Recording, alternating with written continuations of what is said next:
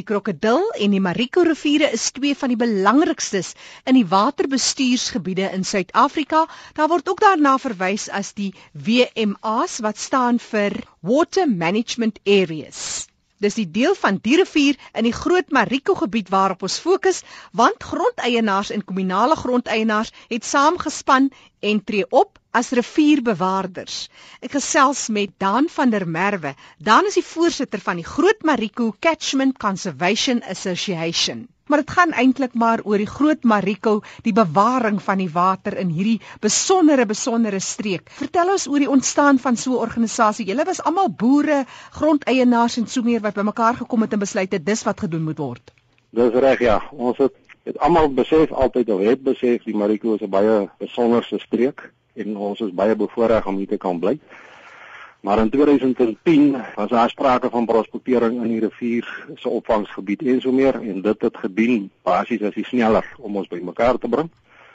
En uh, dit het gelei tot die stigting van die die MCCA soos ons nou maar praat, die Mariko Catchment Conservation Association. Op die stadium het ons uh, 85 lede wat privaat grondeienaars is en dan het ons ook uh, op die stadium 'n gemeenskap langs die rivier wat uh, kommunale grond het, die Koffiekraal gemeenskap wat ook deel is van die van die MCCA so dis privaat en kommunale grondeienaars en ons almal word maar bymekaar gehou deur die wete dat deur saam te staan ons rivier kan skoon en kan seker maak dat ons skoon water vir onsself het maar ook vir Botswana want hulle kry drinkwater uit die Mariko rivier uit Gaborone sowel as die stroomafmense in die Limpopo stelsel want die die Mariko rivier is die enigste skoon rivier wat nog water in die Limpopo stelsel instoot So dis eintlik uh, Zimbabwe en Mosambiek wat ook daarby baat. So dis die water wat hier by ons verby gaan dien onder waar hy vier lande.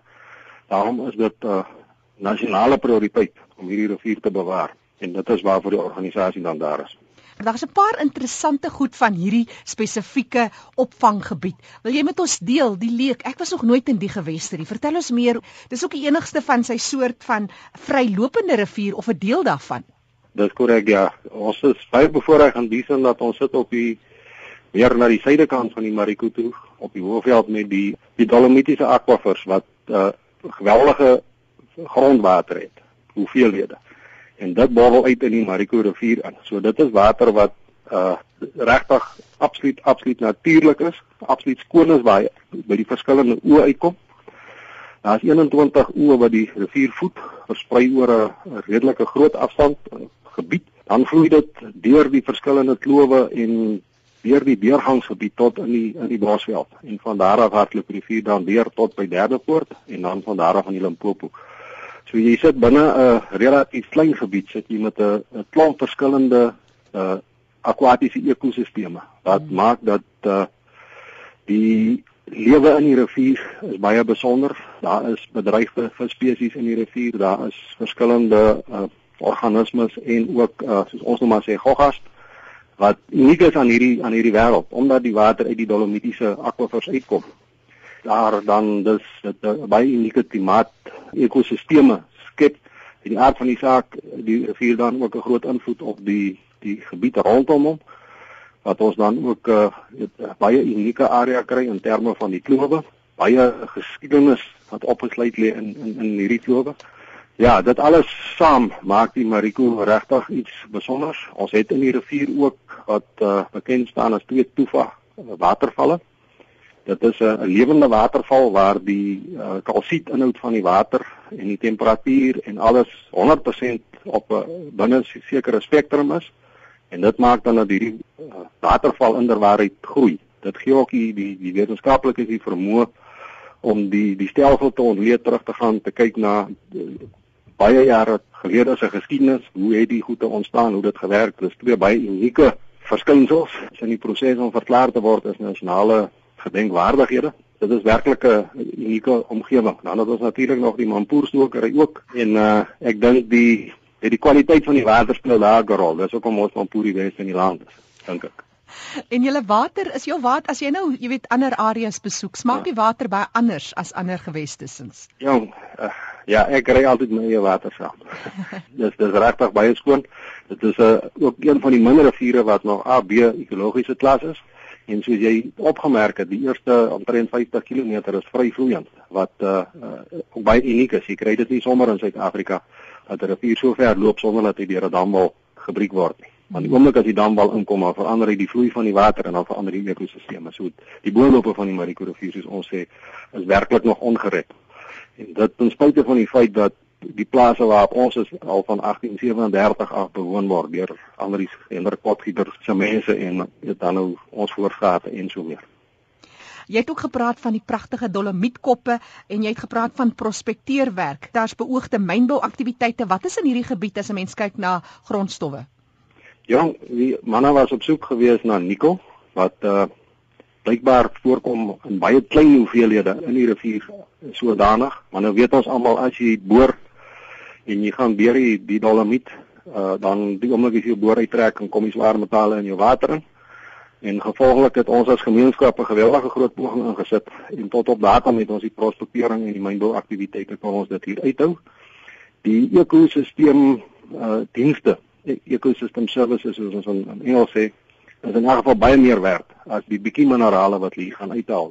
Die die gebied het 'n geskiedenis van Jy weet in die ou dae hierdie manne gemyn. Dis hoë konsentrasie maar hy's klein. So al wat gebeur as hulle kom in, hulle karring die plek op en hulle is weg binne 'n jaar of twee en ons het met die gelag en ons het net besluit dit is uit en gevolglik het ons 'n klomp aksies geneem as gemeenskap om te verhoed dat daar verder geprospekteer en of gemyn word in die gebied.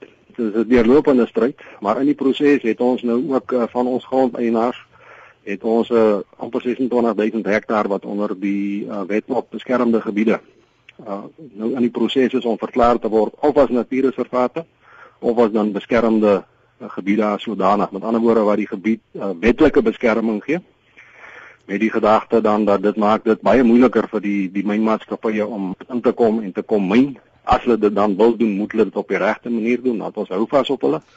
Ons is ook in die proses om aansoek te doen vir uh, UNESCO as 'n biosferiese biosfeerreservaat.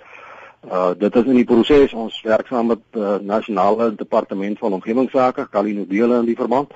Ja, ons hoop dat dit so binne jare wat sal sal werklikheid wees vir die, die gebiede wat ons nou mee besig is. Daar is ook planne op die langtermyn om die biosfeerreservaat heel wat uit te brei.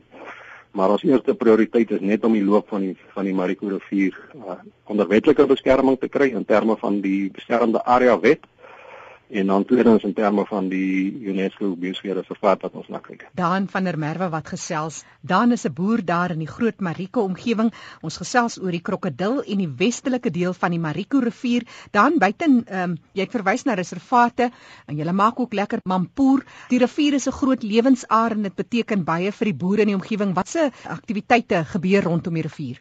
Die, die boerlope is maar hoofsaaklik natuurbewaring en uh weet bietjie wildboerdery. En dan het ons vanaf die Mariko Bosveld dam onderkant hom is die Sensdrif besproeiingsskema waar die manne al jare van die beste tabak in die wêreld gegroei het. Uh, met die ineenstorting van die tabakmark het dit gestop. Die manne het begin oorgaan na kontantgewasse toe, maar uh, dit lyk my met die Chinese wat so so baie rook is die tabak weer stelselmatig besig om terug te kom. En dan is dit van daar af tot uh, by die Madikwe Natuurreservaat is 'n uh, kommunale gebied uh, op die stadium maar bestaansboerdery, maar ons is ook besig om te kyk in samewerking met 'n paar multinasjonale korporasies om dalk in die kommunale gebied vir die gemeenskappe daar ook uh, na natuurreservaat en weet ekotourisme inkomste geleenthede te skep as deel van die die biosfeerreservaat se se beplanning. Dan van der Merwe wat gesels het dan vir mense wat bietjie meer wil weet oor hierdie projek of dalk net wil oplees wat julle doen daar in so besondere biodiversiteit. Is daar dalk 'n webtuiste of kontakbesonderhede? Jong ja, webtuiste is ons nog mee besig, uh, maar die mense kan ons kontak. Ja, so ek het nou 'n nommer geskakel, maar jy is eintlik met 'n internetverbintenis wat jy met my gesels. Ek gee graag hierdie nommer ook deur vir luisteraars as dit reg met jou dan. Dis 100%. Dis 087 985 1530. Hier kom hy weer 087 985 1530. So vir iemand wat hierdie nommer skakel, beteken dit dan jy skakel asof jy 'n plaaslike oproep maak of hoe werk dit? Dis dis reg ja. Dit is maar basies dieselfde prys landlyn tot landlyn. Ek herhaal gou daai nommer is Daan van der Merwe wat gesels het. Hy is die voorsitter van die Groot Mariko Catchment Conservation Association. Wonderlike werk wat daar gedoen word deur grondbewaarders, boere, omgewingsbewustes. En wat 'n suksesstorie. Net gou-gou weer die nommer 087 985 1530.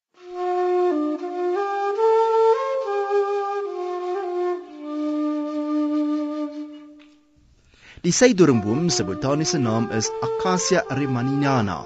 Die boom kom in die noordoostelike hoekie van die land voor en is nogal 'n groot boom. Die hare op die boom se blare is welig en die blomme is bolvormig, wit en ligroom van kleur. Die seidoringboom groei natuurlik in gebiede langs riviere. Die hout is nie baie bruikbaar nie, behalwe vir vuur maak en die bas word gebruik om toue mee te maak.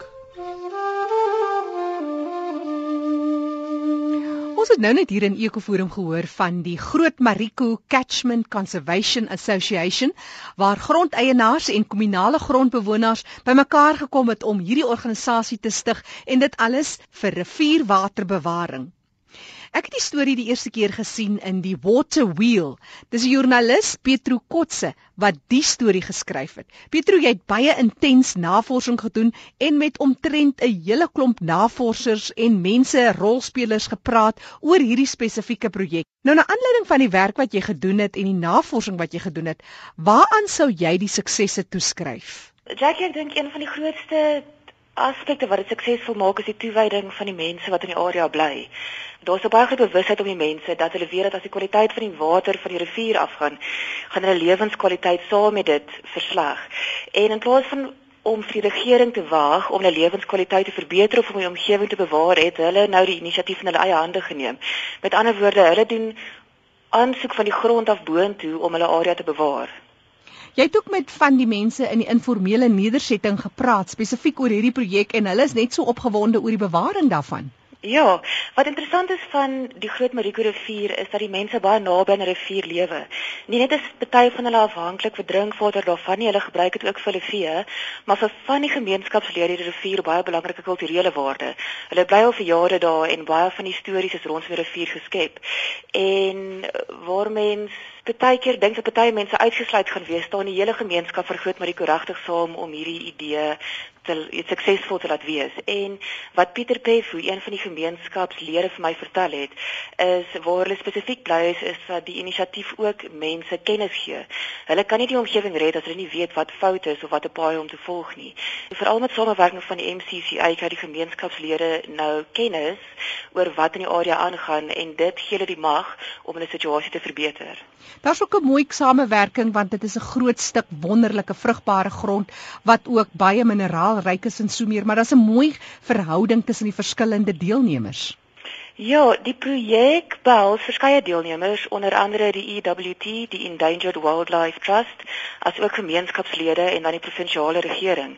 Wat dit fantasties maak is dat as die aansoek suksesvol is, dat van die boere se grond nou ehm um, as bewaringsgebiede verklaar gaan word, dat die provinsie gaan help, want die provinsie moet 'n sekere persentasie bewaringsgebiede verklaar hê en wat hulle nie op die oomblik het nie. So as dit suksesvol is, dan gaan hulle die provinsie help om dit te gemoed te kom. Terselfdertyd vir die EWT is besig met 'n projek oor die hele opvangsgebied, die Groot Mariko Crocodile rivier opvangsgebied. En hierdie is maar die eerste program wat hulle kyk of dit werk en as dit werk dan gaan dit in ander gebiede toegepas word wat dan die bewaring of die ekologiese gesondheid van die hele gebied gaan bevorder. Dis 'n wonderlike projek. Dit wys net dat as mense saam staan dat goed gedoen kan word en dit kan werk. Deel van hierdie rivier is ook vrylopend soos ons gehoor het. Dan het mooi vertel van hierdie besondere omgewing. Wat het vir jou uitgestaan? Ehm um, wat die projek vir my fantasties maak is dat dit nie net plaaslike verskil kan maak nie, maar eintlik nasionaal. Die oorsprong van die Groot Mariko, daai area waar die boere en die mense so aktief is, is deel van FEPAS. Nou FEPAS is Freshwater Ecosystem Priority Areas wat 'n nasionale projek is waarin vreeslik baie navorsing ingegaan het om sekere bewaringsprioriteitsgebiede aan te wys.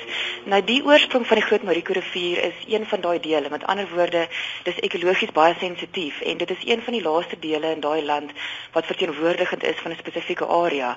Nou boonbehalwe dit is die Groot Mariko ook 'n vryvloeiende rivier. Nou, ek dink daar's iets soos 30 of iets oor in die land. 'n Vryvloeiende rivier is 'n rivier net langer as 50 km wat nog in 'n goeie toestand is, wat nog nie gedam is nie. Nou in die hele noordwestelike deel van Suid-Afrika is die Groot Marico die laaste ene oor. So daar is nogals bewustheid in wel omgewingsbewustheidskringe veral dat daai rivier bewaar moet word. En dit is fantasties dat die mense op die grond die inisiatief neem waar dit miskien vir die regering moeiliker is of langer sou vat, gaan daai spesiale rivier nou bewaar word um, as gevolg van die mense wat onder bly. Pietro, dis eintlik 'n wonderlike riviernetwerk met onder andere die Groot Marico en die Krokodilrivier. Die Krokodil en die Marico rivier is twee van die hoofriviere in die spesifieke waterbestuursgebied. Nou waar hulle saamvloei, vorm die Limpopo rivier wat dan as hy oosvloei in die Indiese Oseaan ingaan. Die Limpopo natuurlik is 'n internasionale rivier wat gedeel word deur Botswana, Zimbabwe en Mosambiek. En by die Malopo rivier, wel die bestaan van die Malopo rivier wat 'n sytak is van die Oranje rivier, vorm ook deel van hierdie waterbestuur area. Behalwe vir dit wat aangaan, ek bedoel natuurlik dis een deel van 'n baie baie baie groter stelsel en baie van die riviere benut ons vir ekonomiese gebruik. So dit is belangrik dat dit gesond bly sodat ons kan aanhou om dit op 'n volhoubare manier te kan benut eintlik. Die rivier is van internasionale en nasionale belang, nie net vir ekonomiese gebruik nie, maar ook vir natuurskoon. Die Mariko oog is daar en baie meer mooi voorbeelde van alles. So die bewaring van die rivier is waarlik belangrik, nie net vir plaaslike inwoners nie, maar vir die hele land en ook vir ons buurlande. En so gesels Pietro Kotse. Pietro is 'n vryskut joernalis en sy het hierdie wonderlike artikel geskryf in die nuutste Water Wheel waar sy praat van die rivierbewaarders. Jy het dit nou in Engels geskryf, maar ek het sommer so vry vertaal Pietro. Baie dankie vir jou tyd vanmiddag. Dankie Jackie, dit was 'n plesier. Ek is Jackie January, bly ingeskakel op 100 tot 104 FM. RSG, dis die een.